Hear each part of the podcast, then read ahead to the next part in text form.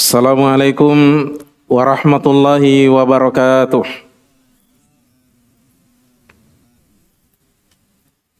Innal hamdalillah nahmaduhu wa nasta'inuhu wa nastaghfiruh wa na'udzu billahi min shururi anfusina wa min sayyiati a'malina may yahdihillahu fala ومن يضلل فلا هادي له. أشهد أن لا إله إلا الله وحده لا شريك له. وأشهد أن محمدا عبده ورسوله. يا أيها الذين آمنوا اتقوا الله حق تقاته.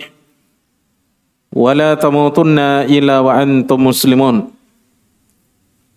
أما بعد فإن أصدق الحديث كتاب الله. وخير الهدي هدي محمد صلى الله عليه وسلم شر الأمور محدثاتها وكل محدثة بدعة وكل بدعة ضلالة Hadirin sekalian yang kami muliakan, Alhamdulillah di malam hari yang berbahagia ini kita berkumpul di tempat yang dicintai oleh Allah Subhanahu wa taala yaitu masjid yang merupakan rumah-rumah Allah Subhanahu wa taala. Di dalamnya ada ketenangan dan keberkahan yang akan didapatkan oleh seorang hamba terlebih lagi ketika dia mengikuti majelis ilmu yang ada di dalamnya. Taib. Kitab yang akan kita bahas pada majelis ini insyaallah taala Kitab yang ditulis oleh Al-Imam An-Nawawi rahimahullah. Kitab Riyadus Salihin. Sebuah kitab yang ditulis oleh beliau yang di dalamnya beliau mengumpulkan hadis-hadisnya Rasulullah sallallahu alaihi wasallam terkait dengan akhlak-akhlak dan adab-adab Islam. Baik itu adab-adab dan akhlak yang terkait dengan hati kita ataukah terkait dengan lahiria kita. Oleh karena itu An-Nawawi rahimahullah taala di awal-awal kitab Riyadhus Shalihin beliau akan membawakan pembahasan seputar adab-adab batin seperti keikhlasan dalam ibadah, menghadirkan niat ketika melakukan suatu amalan, ya bersabar, jujur. Ini semua adalah amalan-amalan hati yang akan dibahas oleh penulis rahimahullahu taala. Ya. Yeah. Riyadus Solihin artinya, artinya taman orang-orang soleh. Iya. Sesuai dengan namanya, kitab ini insya Allah ta'ala menjadi penyejuk hati bagi orang-orang yang mempelajarinya. Hadirin sekalian yang kami muliakan, sebelum kita masuk dalam kitab ini, mungkin ada baiknya kita bahas sekilas tentang biografinya beliau An-Nawawi rahimahullah. Beliau dikenal dengan An-Nawawi. Nisbah kepada daerah Nawa yang ada di wilayah Hauran, provinsi Hauran ya. Ini masuk dalam negara Suria hari ini. Nah, di sana beliau lahir An-Nawawi rahimahullah. Makanya beliau dinisbahkan kepada Nawawi. Ya Nawa, An-Nawawi. Ya.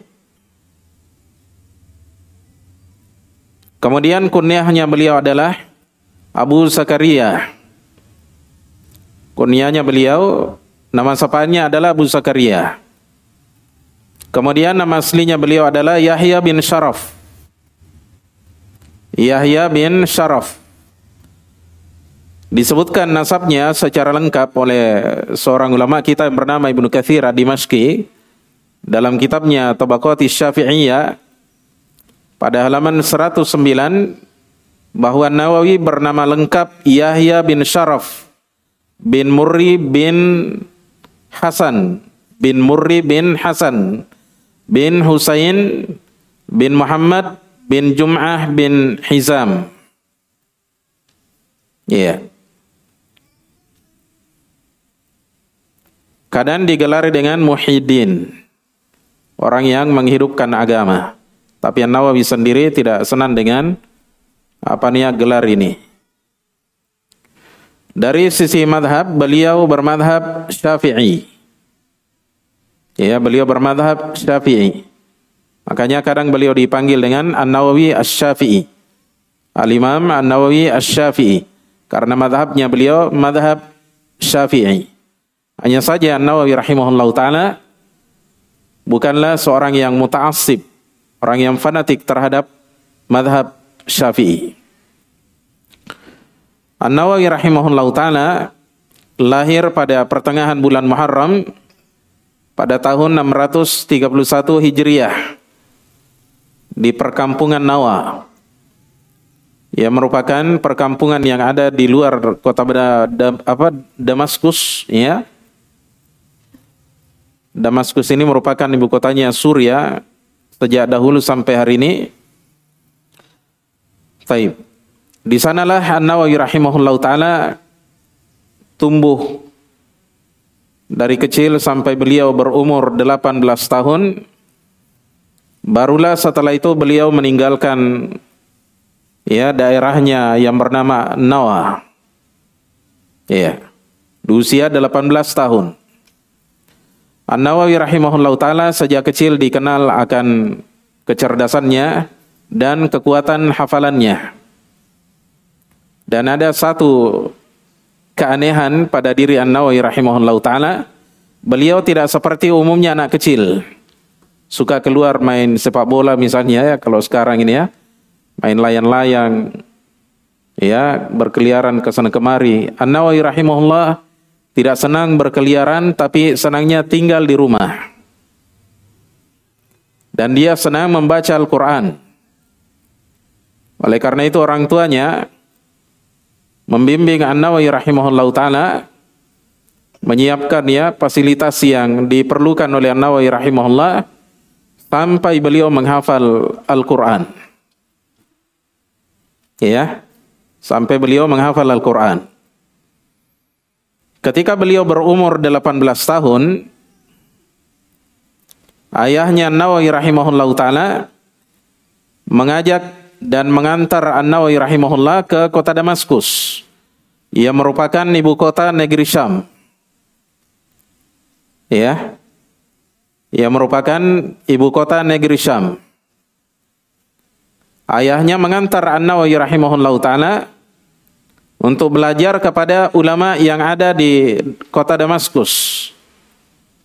Iya. Kebetulan waktu itu ada sebuah madrasah di kota Damaskus dikenal dengan Madrasah Ar-Rawahiyah. Di sanalah beliau menimba ilmu belajar kepada ulama yang ada di tempat tersebut.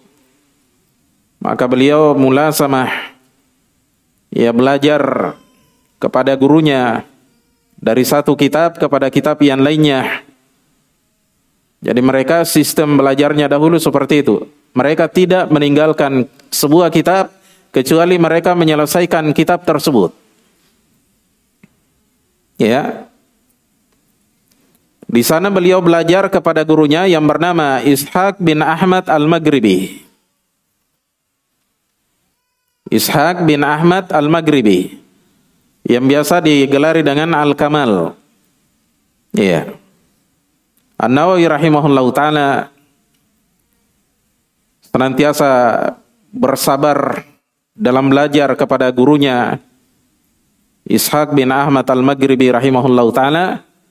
Beliau belajar selama dua tahun lamanya.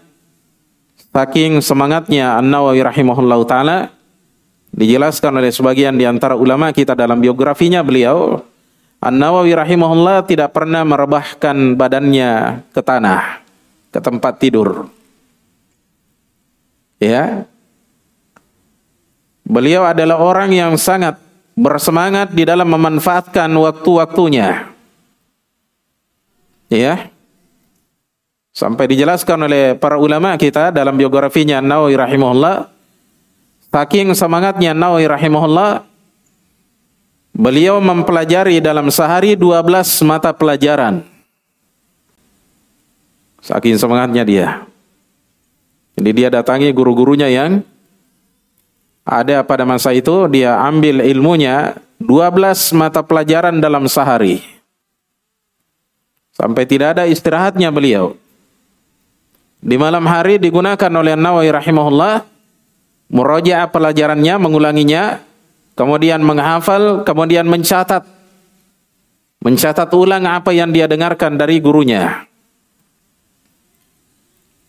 Dia rapikan, dia kurangi, dia tambahi. Apa yang perlu ditambahkan ya, ditambahi di situ dia lakukan semua ini selama dua tahun lamanya beliau tinggal di kota Damaskus. Ya. Ada sebuah kitab yang ditulis oleh An-Nawawi rahimahullah taala yaitu kitab Syarah Sahih Muslim itu sebenarnya adalah catatan pelajarannya Nawawi dari seorang gurunya. Itu katanya masih berupa muswaddah, berupa cakar ayam, belum ditulis dengan sesungguh-sungguhnya. Nah, inilah yang kita sering dengarkan pada hari ini para ulama, para ustadz kita menukil dari An-Nawawi rahimahullah taala dari kitabnya ini Syarah Sahih Muslim. Ya. Bayangkan Al-Imam An-Nawawi rahimahullah yang lahir pada tahun 631 meninggal 676 kalian hitung saja dikurangi ya. 676 kurang 631 45 tahun beliau diberikan umur oleh Allah Subhanahu wa taala. Ya Beliau sudah mengumpulkan ilmu yang sangat banyak bahkan mencatat semua ilmu yang beliau dapatkan dari gurunya. Dalam rentan waktu ya 45 tahun ya beliau diberikan umur beliau mengumpulkan ilmu yang sangat banyak hampir dalam seluruh cabang ilmu agama beliau punya tulisan di situ. An-Nawawi rahimahullah. Ya. Jadi beliau memulai menuntut ilmu secara serius itu umur 18 tahun. Meninggal 45 apanya umur 45 tahun. Kira-kira berapa tahun itu? Ya. Sekitar 27 tahun ya. Beliau belajar, beliau rajin mencatat. Ya. Jadi apa yang beliau dapatkan dari gurunya langsung dicatat di pinggir kitabnya. Nah itulah yang kemudian hari menjadi kitab. Makanya kita teman-teman ya jangan meremehkan ya faedah-faedah yang kita dengar, kita catat ya. Kalau perlu kita beli kitabnya, kitab aslinya catat di situ di pinggir. Ya. Boleh juga dicatat di kitab yang lain. Ya. Karena kadang kalau di pinggir kitab, kitabnya agak sempit ya. Ya, tidak ada tempat untuk menulis. Apalagi ini Riyadus Solihin, Nanti kita akan apa namanya nukilkan ya kepada jamaah faedah demi faedah dari para ulama kita supaya menjadi catatan kita ada yang dibawa pulang ke rumah. Ya. Hadirin sekalian yang kami muliakan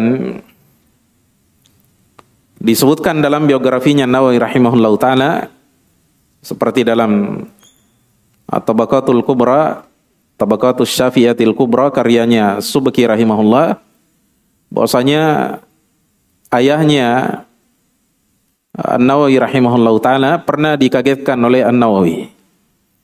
Tengah malam dia Ramadan 27 Ramadan ketika itu tiba-tiba Allah perlihatkan kepada An-Nawawi rahimahullah cahaya di dalam rumahnya. Dan tidak ada yang melihat cahaya itu kecuali dia. Ya, tidak ada yang melihat cahaya itu kecuali dia. Waktu itu beliau masih kecil, masih ada di perkampungannya di daerah Pania Nawa. Akhirnya ya satu rumah semuanya gempar. Karena Nawawi rahimahullah ketika itu berteriak dia, dia bilang ada cahaya, cahaya, cahaya saya lihat. Tapi orang semua bangun tidak ada yang melihat cahaya itu. Akhirnya hal itu disampaikan kepada seorang ulama yang ada di masanya Nawawi rahimahullah taala. Akhirnya dicocokkan dengan kebiasaannya Nawawi sebagai seorang anak kecil yang rajin belajar, rajin menghafal, otaknya cerdas. Akhirnya ada gurunya di sana, ya, menyatakan bahwasanya tampaknya anak ini kelak akan menjadi ulama besar yang akan menyinari dunia ini dengan ilmunya. Masya Allah ya. Makanya orang tuanya ketika itu langsung membawa anaknya ini An-Nawawi rahimahullah ke kota Damaskus untuk belajar kepada para ulama yang ada di kota Damaskus. Iya. Makanya orang tuanya antar langsung dia. Ketika dia sudah selesai menghafal Al-Qur'annya, Usianya genap menjadi 18 tahun, langsung beliau diantar oleh orang tuanya berangkat ke kota Damaskus untuk belajar ke guru-gurunya yang ada di sana. Setelah dua tahun beliau tinggal di kota Damaskus, maka ayahnya Nawawi rahimahullah taala membawa serta An-Nawawi ke kota Mekah. Selain untuk berhaji, beliau juga dibawa untuk mengambil ilmu dari para ulama yang ada di kota Mekah. Ya. Dan saat di perjalanan An-Nawawi rahimahullah taala itu sudah tampak pada diri beliau sifat-sifat yang terpuji. Beliau waktu itu sakit tapi semangatnya ingin mengikuti ibadah haji ke Baitullah. Beliau dengan penuh kesabaran, beliau tidak pernah mengeluh dalam perjalanannya dalam keadaan beliau sakit demam ya beliau senantiasa melanjutkan perjalanan. Orang tuanya ya tidak pernah mendengarnya mengeluh. Dia tidak minta kepada ayahnya supaya berhenti di suatu daerah untuk dirawat ya. Tapi beliau terus melanjutkan perjalanannya ke kota Mekah karena beliau ingin mengejar ibadah haji ketika itu. Di sanalah beliau juga ya apa namanya mengambil ilmu di kota Mekah dari para ulama yang ada pada masa tersebut. Hadirin sekalian yang kami muliakan, adapun guru-gurunya Nawawi rahimahullah taala maka disebutkan oleh Ibnu Katsir dalam kitabnya Tabaqatus Syafi'iyah pada halaman 910 kata beliau bahwasanya Nawawi rahimahullah itu mengambil ilmu dari sekumpulan ulama. Yang pertama beliau sebutkan di sini gurunya yang bernama Ar-Radhi, Ar-Radhi bin Burhan. Ar-Radhi bin Burhan. An-Nawawi rahimahullah taala mengambil ilmu darinya dengan mempelajari seluruh kitab isi kitab Sahih Muslim. Ya, jadi apa yang ditulis oleh An-Nawawi di pinggiran kitab Sahih Muslim ya, yang dia dengarkan dia ambil dari gurunya ini di kemudian hari dicetak dengan nama Syarah Sahih Muslim. Ini diambil dari situ. Ya. Kemudian gurunya yang kedua adalah seorang ulama yang bernama Samsuddin Ibnu Abi Amr. Samsuddin Ibnu Abi Amr Al-Harastani. Al-Harastani. Kemudian gurunya yang ketiga adalah Ismail bin Abil Yusri. Ismail bin Abil Yusri. An-Nawawi rahimahullah ta'ala juga mengambil ilmu dari gurunya ini dengan mempelajari beberapa buah kitab. Ya, kitab yang kita kenal dengan Al-Kutubus Sittah Kitab yang enam merupakan induk ya kitab hadis itu Sahih Al Bukhari, kemudian Sahih Muslim, Sunan Abi Dawud, Sunan Tirmidzi, Sunan An Nasai dan Sunan Ibnu Majah. Ditambah juga beliau mempelajari Sunan Ad-Dar uh, Ad-Darqutni. Syarh Sunnah miliknya Al-Baghawi. Musnadus Syafi'i, musnadnya Imam Syafi'i. Kemudian juga musnadnya Imam Ahmad rahimahullah dan masih banyak lagi kitab-kitab yang beliau pelajari di depan gurunya yang bernama Ismail bin Abil Yusri. Iya. Ini salah satu gurunya beliau yang banyak berjasa menanamkan ilmu kepada An-Nawawi rahimahullah taala. Taib. Demikian pula beliau punya guru namanya Az-Zain Khalid. Az-Zain Khalid. Iya, mungkin ini Zainuddin Khalid. Di mana beliau mempelajari dari gurunya ini kitab yang ditulis oleh Al-Hafidh Abdul Ghani Al-Maqdisi. Iya. Yang kita kenal dengan Al-Kamal fi Asma'ir Rijal. Al-Kamal fi Asma'ir Rijal. Al-Kamal fi Asma'ir Rijal ini tentang rawi-rawi yang terdapat dalam Al-Kutubus Sittah. Yang ada dalam Sahih Bukhari, Sahih Muslim, Sunan Abu Daud, Sunan Tirmidzi, Sunan An-Nasai dan Sunan Ibnu Majah. Semua rawi yang ada di situ dia jelaskan ya kedudukannya. Apakah dia orangnya fikoh, orangnya terpercaya, orangnya hafid, orangnya lemah, orangnya pemalsu hadis. Semuanya dijelaskan di dalam kitab itu. Iya. Atau kebanyakannya ya. Nah, kemudian datang setelahnya ulama yang kita kenal dengan Abdul Hajjaj Al-Mizzi merapikan dan menambahkan kitab yang berjudul Tahdhibul Kamal ini revisi bagi kitab Al-Kamal yang ditulis oleh Abdul Ghani Al-Maqdisi. Ya. Kemudian datang setelah Abu Hajjaj Al-Misi rahimahullah taala, datang setelahnya ya ulama yang bernama Mughlatai Al-Hanafi menulis kitab judulnya Ikmalul Ikmalu Tahdzibil Kamal. Datang setelah Mughlatai Al-Hafidh Ibnu Hajar Al-Asqalani dalam kitabnya Tahdhibut Tahdhib, beliau merapikan semua kitab-kitab pendahulunya, dia perbaiki, dia tambahi, dia kurangi yang tidak perlu. Kemudian kitab Tahdhibut Tahdhib yang menjadi pegangan para ulama setelahnya karena terlalu tebal, maka sebagian murid-muridnya Al-Hafidh Ibn Hajar minta kepada Ibn Hajar supaya diringkas dengan seringkas-ringkasnya. Maka lahirlah kitab judulnya Takribut Tahdhib. Takribut Tahdhib atau diringkas At-Takrib. Karyanya Al-Hafidh Muhajar. Inilah yang kemudian dipegangi oleh para ulama ya yang bagi yang ingin mempercepat ya uh, apa namanya pemeriksaan seorang rawi bagaimana dia kedudukannya itu langsung kembali kepada kitab At-Takrib yang ditulis oleh Al-Hafidh Muhajar. Taib. Kita kembali bahwasanya An-Nawawi rahimahullah taala belajar kepada gurunya yang bernama Az-Zain Khalid rahimahullah taala kitab Al-Kamal yang ditulis oleh Abdul Ghani Al-Maqdisi rahimahullah. Sebuah kitab tentang Al-Jarh wa Ta'dil. Beliau juga belajar dari gurunya ini Syarah Sahih Muslim dan kebanyakan dari kitab Sahih Al-Bukhari. Ya, Demikian pula Al-Imam An-Nawawi rahimahullah taala belajar usul fikih kepada seorang gurunya yang bernama Al-Qadhi Abdul Fath. Beliau belajar usul fikih kepada gurunya ini. Ya, kemudian juga belajar kepada guru-guru yang lainnya yang tidak sempat kita sebutkan semuanya. Tapi ini yang paling inti dari sekian guru-gurunya An-Nawawi rahimahullahu taala.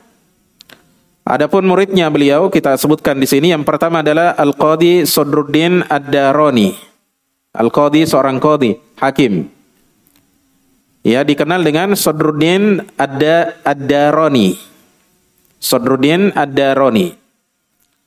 Kemudian yang kedua yang paling terkenal adalah Alauddin Ibnul Attar.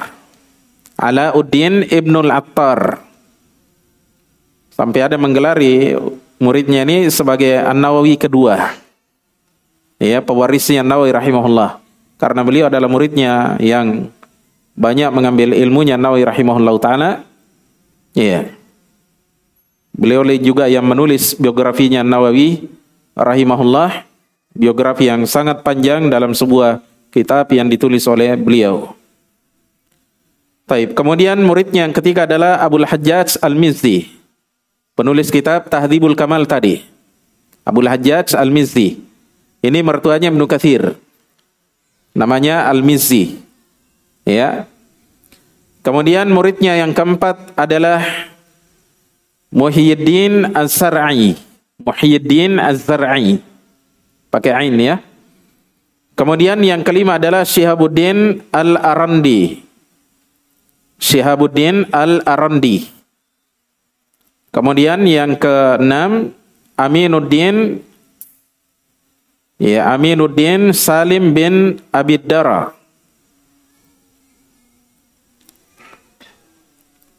Kemudian yang terakhir disebutkan di sini adalah seorang ulama yang bernama Al-Qadhi Ibnu Nasib merupakan seorang hakim apanya di negeri Halab ya di negeri Halab. Ah, ini murid-muridnya Nawawi rahimahullah taala. Kemudian kita berpindah ke kitab-kitab yang ditulis oleh An-Nawawi rahimahullah supaya kita mengenal juga kitab apa saja yang pernah beliau tulis ya sini saya nukilkan semuanya dari kitab Tabaqatus Syafi'iyah yang ditulis oleh Ibnu Katsir Ad-Dimashqi rahimahullah. Pada halaman 911 beliau sebutkan yang pertama adalah Kitabur Raudhah. Kitab Ar-Raudhah. Panjangnya adalah Raudhatut Talibin. Kitab Raudhatut Talibin ini kitab fikih yang ditulis oleh An-Nawawi rahimahullah taala. Di dalamnya beliau meringkas kitab yang sangat panjang dan tebal yang ditulis oleh Al-Imam Ar-Rafi'i rahimahullah. Iya. Judulnya adalah Asyarhul Kabir yang merupakan syarah terhadap kitabnya Al-Ghazali yang bernama Al-Wajiz. Diringkas oleh An-Nawawi menjadi sebuah kitab yang lebih uh, ringkas menurut beliau, tapi tebalnya seperti ini ya. Ya. Seperti tisu ya.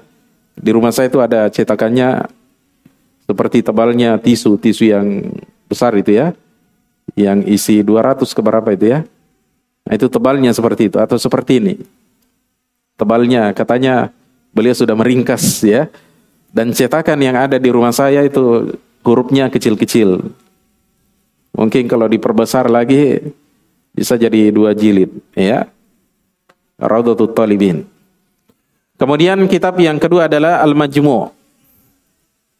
Kitab Al-Majmu' Syarhul Muhadzab diringkas menjadi Al-Majmu'.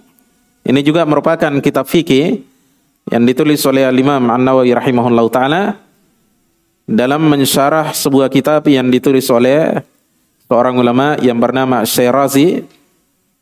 Iya, judulnya adalah Al-Muhadzab.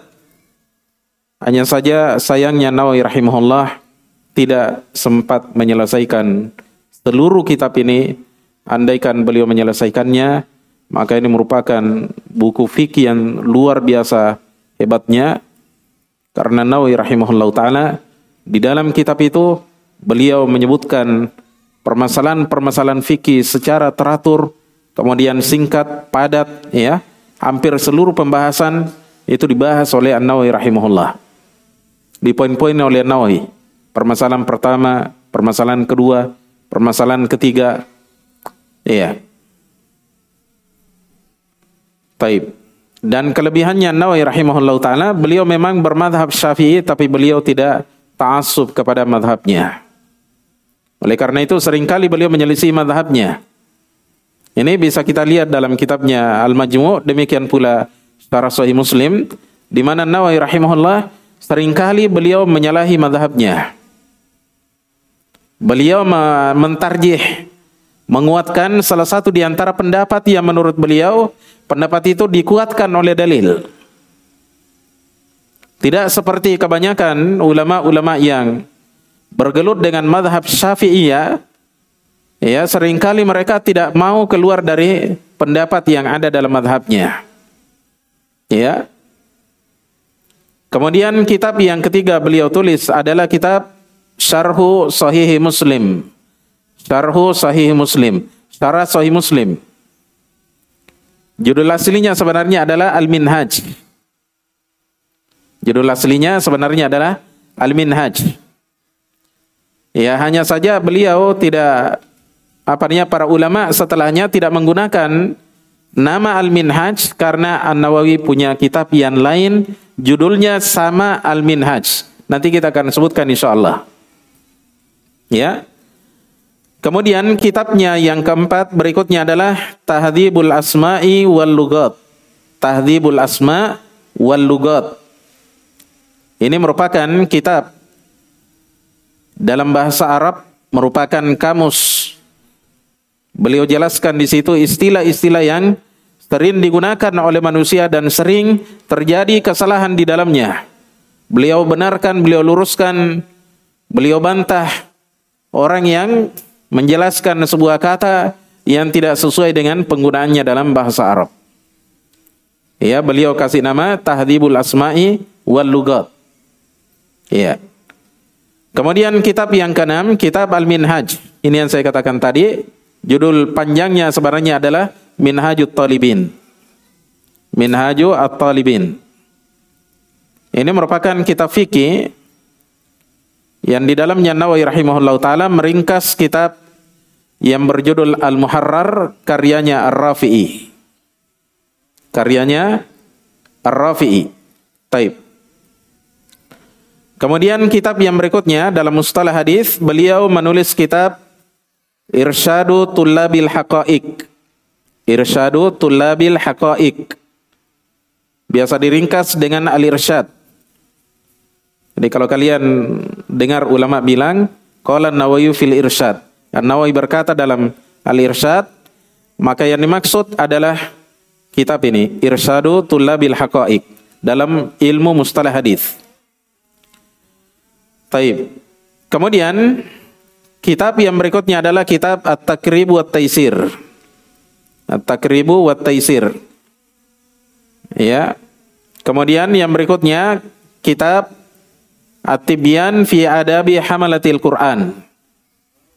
Adab-adab yang terkait dengan para ya pembawa Al-Quran, artinya para penuntut ilmu Al-Quran. Adab-adab yang mereka butuhkan, dibutuhkan oleh para penuntut ilmu, beliau cantumkan di dalam ya kitab ini. Ya. Kemudian kitab yang berikutnya adalah Kitabul Manasik kitab Al-Manasik, yakni manasik haji. Ya. Yang berikutnya adalah kitab Riyadhus Shalihin yang akan kita bahas insyaallah taala. Kitab Riyadhus Shalihin. Kemudian yang berikutnya Kitabul Azkar. Kitab Al-Azkar. Kumpulan dikir-dikir. Ini sudah dicetak dan ditahkik oleh para ulama dan sebaik-baik tahkik terhadap kitab ini adalah tahkiknya seorang ulama dari negeri Syam yaitu Suaib Al-Arnaud rahimahullah taala. Kemudian yang berikutnya Kitabul Arba'in. Yang kita kenal dengan Al-Arba'in An-Nawawiyah. Yang di dalamnya beliau mengumpulkan ya semua kitab-kitab pokok yang ada di dalam agama kita. Di kemudian hari kitab Al-Arba'in An-Nawawiyah ini dicontoh oleh ulama berikutnya. Banyak setelahnya ulama-ulama yang menulis kitab Arba'in, Arba'in, Arba'in ya. Ya. Kemudian dari sisi torikoh atau metode, kitab Arba'in ini dicontoh oleh ulama yang bernama Abdurrahman bin Nasir As-Sa'di rahimahullah dalam kitabnya Bahjatu Kulubil Abror. Di dalamnya Syekh Abdurrahman bin Nasir As-Sa'di rahimahullah menambahkan ya sekitar 60 hadis bagi apanya arba, arba'in an-nawawiyah. Ya. Beliau tambahkan sekitar 60 hadis. Dalam kitabnya Bahjatul Qulubil Abrar. Ini kitab yang kami bahas di Masjid Darul Falah Pampang ya. Ini kitab yang sangat bagus sekali di dalamnya ya dicantumkan hadis-hadis pokok oleh penulis yaitu Abdurrahman bin Nasir As-Sa'di rahimahullah taala. Baik. Kemudian kitab yang terakhir kita sebutkan pada kesempatan kali ini adalah kitab yang berjudul Tabaqati Al-Fuqaha'i Asy-Syafi'iyah. Iya. Kitabu Tabaqati Syafi'iyah. Kitabu Tabaqati Asy-Syafi'iyah. Ini beliau meringkas sebuah kitab yang ditulis oleh ulama yang ada sebelumnya yaitu Ibnu Salah. Ya, beliau meringkas kitab yang berjudul Tabaqatu Al-Fuqaha'i Asy-Syafi'iyah. Iya. Hadirin sekalian yang kami muliakan, adapun dari sisi sifat-sifatnya An-Nawawi rahimahullahu taala, An-Nawawi taala adalah seorang yang dikenal akan keluasan ilmunya, kecerdasannya, kekuatan hafalannya. Beliau adalah seorang yang tawadu, dikenal akan ketawaduannya. Beliau adalah seorang yang ya, bergaya hidup zuhud, Beliau tidak terlalu bersenang-senang dengan dunia. Beliau mengambil dunia sekedarnya untuk dimakan, diminum, untuk kebutuhan sehari-harinya. Selebihnya beliau bersedekah, beliau berinfak.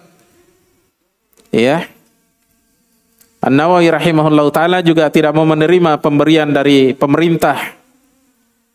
Ya. Bahkan An-Nawawi rahimahullah taala tidak mau memakan buah-buahan yang ada di kota Damaskus karena banyak sekali tanah-tanah sengketa yang ada di daerah Damaskus pada masa itu. Sehingga beliau tidak mau mengambil apanya memakan buah-buahan yang tumbuh di kota Damaskus. Luar biasa waroknya beliau ya. Kehati-hatiannya beliau. Taib. An-Nawawi rahimahullah taala dikenal akan semangatnya di dalam menuntut ilmu semangatnya dalam mencatat pelajaran, semangatnya di dalam ya muroja mengulangi pelajarannya dengan keterbatasan yang ada pada masa itu, beliau hanya beralas tikar. Beliau menggunakan pelita yang redup, ya, tidak seperti lampu di zaman kita ini. Beliau setiap malam kerjanya adalah mencatat apa yang beliau dapatkan dari pelajaran tadi siang, dirapikan, ditambahkan, dikurangi. Kalau kita mungkin pulang talim sudah simpan kitab. Ya, tidak ada yang berusaha menulis ulang misalnya. Ya, harus ada di antara kita seperti itu ya. Ya, bikin tulisan-tulisan ringkas tampilkan di blog atau di website atau tampilkan di Facebook ya. Daripada kita ngantur ke sana kemari ya bahas poligami sementara dia ya nikah saja belum nikah. Ya atau sudah menikah tapi belum punya kemampuan. Sudah semangatnya luar biasa. Ya bahas poligami. Ya bahas politik bahas ini bahas itu. Kadang dia bikin ya senda gurau yang melampaui batas. Nah, ini adalah perkara-perkara yang kurang manfaatnya banyak sekali ilmu yang perlu kita sebarkan, kita bantu ustadz kita menyebarkan ilmu ya. Apa yang mereka sampaikan kita dengarkan, kita catat, kemudian sampaikan kepada teman-teman yang ada di media. Daripada kita bicara ngelantur ke sana kemari ya, tidak ada juga pahala yang kita dapat, bahkan mungkin dosa yang kita dapat. Ini banyak saya dapatkan ya seperti ini teman-teman. Sudah ngaji, sudah taklim, saya tidak berbicara orang awam. Saya berbicara teman-teman, ikhwa-ikhwa yang sudah lama belajar, masih ada yang kerjanya seperti itu. Coba dia bicara dunia saja, bisnis apa ya. Tidak usah bicara macam-macam seperti itu. Yang kadang mencoreng nama dakwah kita, kalau kita suka berbicara yang tidak-tidak. Iya. Taib. Bicara poligami terus. Ustadz tidak benci poligami ya. Saya Ustadz juga tahu itu syariat. Tapi syariat poligami ini jangan direndahkan dengan ya gurauan-gurauan kalian di medsos. Kadang ada sebagian ikhwah kalau saya tegur, "Woi Ustadz, kenapa dia tegur kita dia? Apa Ustadz juga tidak setuju poligami?" Tidak. Saya juga setuju. Saya menyatakan bahwasanya poligami adalah bagian dari agama kita. Tapi jangan direndahkan dengan gurauan-gurauan kalian. Ya. Taib. Akhirnya kadang nyerempet. Masalah-masalah yang tabu dibicarakan. Sampai ada sebagian di antara mereka akhirnya karena suka bicara poligami, ada akhwat juga akhwat tidak beres. Ya, chatting dengan dia, ya di inbox bagaimana akhi serius jikikah sampai ada konon kabarnya sampai jatuh dalam zina naudzubillah. Ikhwah saya tidak bicara orang awam. Makanya ini perlu kalian hati-hati ya jangan melakukan hal-hal yang seperti ini yang menjatuhkan kalian dalam apa namanya perbuatan dosa dan maksiat. Baik. Hadirin sekalian yang kami muliakan, Al-Imam Nawawi rahimahullahu taala dikenal sebagai orang yang ammaran bil ma'ruf wa nahaan 'anil munkar. Dikenal gemar melakukan amar ma'ruf dan nahi munkar. Beliau juga dikenal sebagai orang yang suka begadang dalam ibadah, membaca Al-Qur'an, berzikir dan menulis. Iya. Ini An-Nawawi rahimahullah taala. Karena itu umurnya beliau diberkahi oleh Allah Subhanahu wa taala. Dalam waktu 27 tahun sejak beliau menuntut ilmu, beliau bisa merampungkan catatan yang sangat banyak dan dirasakan manfaatnya oleh manusia pada hari ini. Saya pernah punya ide, ini Ustadz kita Ustadzul Karnain ya, punya daurah yang silsilah ya, yang bersambung berseri begitu. Seandainya ada di antara kita punya ide, punya semangat, menulis kembali dia transkrip. Kemudian dia kembalikan ke Ustadzul, beliau lihat, beliau periksa. Setelah itu kita cetak. Ya. Selain kita sudah membalas jasa baiknya Ustadz, ya kita juga sudah turut menyebarkan ilmu agama. Ini perlu peduli dakwah ya, sponsori hal yang seperti ini. Ya, peduli dakwah kerjasama dengan teman-teman yang lain, bikin kitab. Kalau perlu digaji orang yang menyalin itu ikhwah yang punya diperlombakan kalau perlu. Siapa yang cepat dia yang dapat. Menyelesaikan kitab syarah misalnya Al-Qawaidul Arba. Nah, kasih rekamannya. Ini rekamannya Ustaz Zul. Saya kasih batas waktu satu bulan. Siapa yang cepat dia yang dapat hadiah. Kasih hadiah sampai 5 juta, 10 juta. Kalau perlu ya. Ini untuk ilmu ya. Masa Ustadzul guru kita ya. Guru kita ini Ustadzul siang malam mengajarkan ilmu kepada kita. Masa tidak ada santrinya, murid-muridnya yang punya semangat menulis kembali di lalu dicetak. Perlu kita pahami bahwa Syekh Muhammad bin Shalih Al tidak punya banyak kitab yang beliau tulis dengan tangannya. Tapi dari ceramahnya beliau ditranskrip, dibukukan, kemudian beliau periksa lalu dicetak. Ya. Setahu saya beliau hanya menulis kitab Al-Usul min Ilmil Usul. Kemudian Al-Qawaidul Muslah. Kemudian apanya syarah apanya uh, ringkasan salah satu usul. Ada ringkasannya, cuma tidak tersebar. Kitab-kitab beliau yang lain semuanya adalah hasil ceramahnya beliau. Siapa yang menyalin ceramahnya? Murid-muridnya beliau. Cobalah nanti ya, teman-teman yang punya kreativitas daripada bicara poligami, bicara janda. Ya. Lebih bagus bicara ilmu ya, tulis ilmu. Pulang ke rumah, nyalakan lampu, menyendiri di kamar. Anak istri suruh tidur dulu. Tidur nah, saya mau catat dulu, jangan ganggu. Ya, begitu harus begitu punya semangat ya, supaya kita juga ada amal jari yang disimpan ya. Tapi kemudian terakhir di sini wafatnya Imam An-Nawawi rahimahullah taala. Setelah Nawawi rahimahullah taala berkeliling ke Damaskus dan negeri-negeri yang lainnya untuk mengambil ilmu dari para ulama, termasuk beliau berkunjung ke daerah Palestina dan menyempatkan diri untuk ziarah ya ya ke kuburnya ya konon kabarnya kuburnya Nabi Ibrahim alaihi salatu wassalam tapi sebagian ulama menyatakan tidak benar ada yang menyanggahnya. Baik. Akhirnya Nawawi rahimahullah taala kembali ke kampung halamannya yang bernama Nawa beliau sampai di negerinya sakit dan dirawat oleh orang tuanya meninggal dalam usia seperti usia saya sekarang ini. Saya sudah sudah 45 ya bahkan mungkin mau masuk 46 ini jadi kalau kalian mau lihat An-Nawawi seperti saya usianya ya belum terlalu tua belum kakek-kakek ya beliau sakit tiba di kampung halamannya sakit karena beliau memang di saat menuntut ilmu, beliau subhanallah hanya tidur beralaskan tikar. Beliau tidak tidur di atas kasur yang empuk. Makan makan dalam satu hari hanya satu kali. Habis isa beliau baru makan. Itu Nawawi rahimahullah taala. Sepanjang belajarnya beliau senantiasa seperti itu kebiasaannya beliau. Beliau tidak mau makan terlalu banyak kata karena kata beliau ini akan membuat kita malas untuk belajar menghafal, mencatat ilmu kalau kita terlalu banyak katanya makan.